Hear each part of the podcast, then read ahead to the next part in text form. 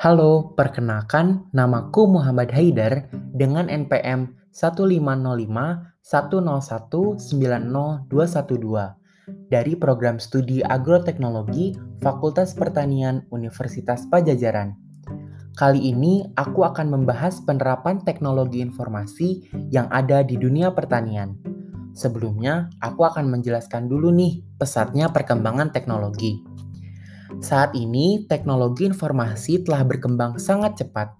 Hampir di semua sektor telah memanfaatkan teknologi informasi untuk dan laporan serta evaluasi. Tidak hanya itu saja, teknologi informasi dipakai sebagai media komunikasi antar individu ataupun dengan lembaga, baik formal ataupun informal media sosial sebagai sarana komunikasi yang sekarang telah berkembang pesat telah mematahkan sekat-sekat kota dan desa, menembus batas teritorial negara, serta bisa diterima dengan berbagai bahasa. Sehingga sering penguasaan serta kebutuhan teknologi informasi ini dikaitkan dengan komunikasi. Sehingga orang sering menyebutnya dengan istilah teknologi informasi dan komunikasi.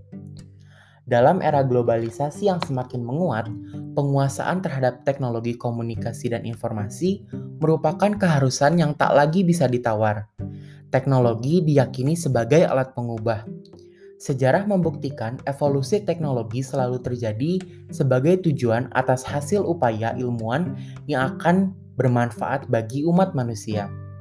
Nah, teknologi sendiri itu memiliki banyak manfaat bagi manusia sendiri oleh karena itu, sektor pertanian sendiri harus menerapkan teknologi agar mempermudah para petani dan mendapatkan hasil yang lebih baik dan berkualitas. Salah satu contoh penerapan teknologi informasi pada sektor pertanian ialah pada komoditi jagung atau zeamais. Pada tahap mana teknologi informasi ini dapat diterapkan? Menurut saya, teknologi informasi dapat diterapkan kepada seluruh tahapan budidaya, mulai dari penanaman hingga pemasaran.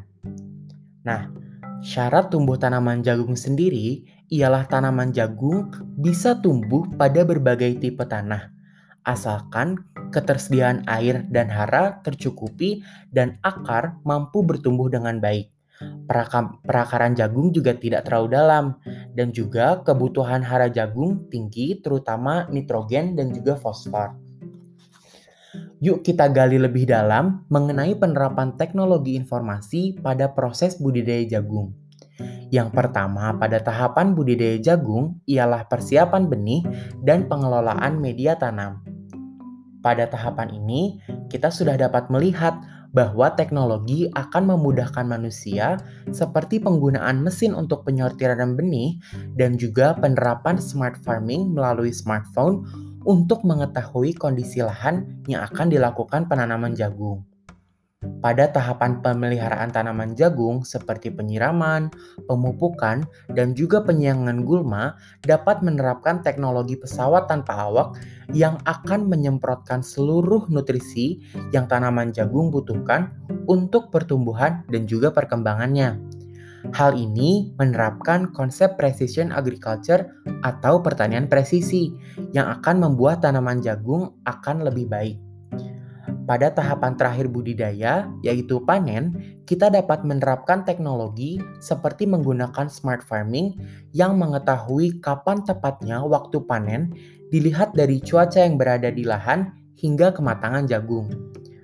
Pada tahap pasca panen, kita dapat menerapkan teknologi komunikasi, yaitu kita dapat memperjualbelikan hasil pertanian melalui media sosial atau platform jual beli online hasil panen seperti Tani Hub ataupun Sayur Box. Semua itu merupakan bagian dari agriculture 4.0 atau 4.0 di mana pertanian akan mengandalkan mesin dan teknologi informasi untuk mempermudah manusia dalam pekerjaannya. Peran kita sebagai mahasiswa pertanian ialah terus mengembangkan hal-hal tersebut untuk masa depan yang lebih baik. Nah, sebelum kita ke penghujung podcast, aku mau ngasih tahu sedikit mengenai manfaat jagung bagi kita. Yang pertama ialah jagung merupakan sumber kalori bagi tubuh kita. Dan yang kedua ialah sifat antioksidan jagung. Menurut studi yang dilakukan di Cornell University, Jagung merupakan sumber yang kaya antioksidan yang memiliki kemampuan untuk melawan kanker. Yang ketiga ialah mencegah kardiovaskular. Menurut peneliti, minyak jagung menunjukkan sifat anti-aterogenik yang berefek pada kadar kolesterol, sehingga mencegah penyakit kardiovaskular.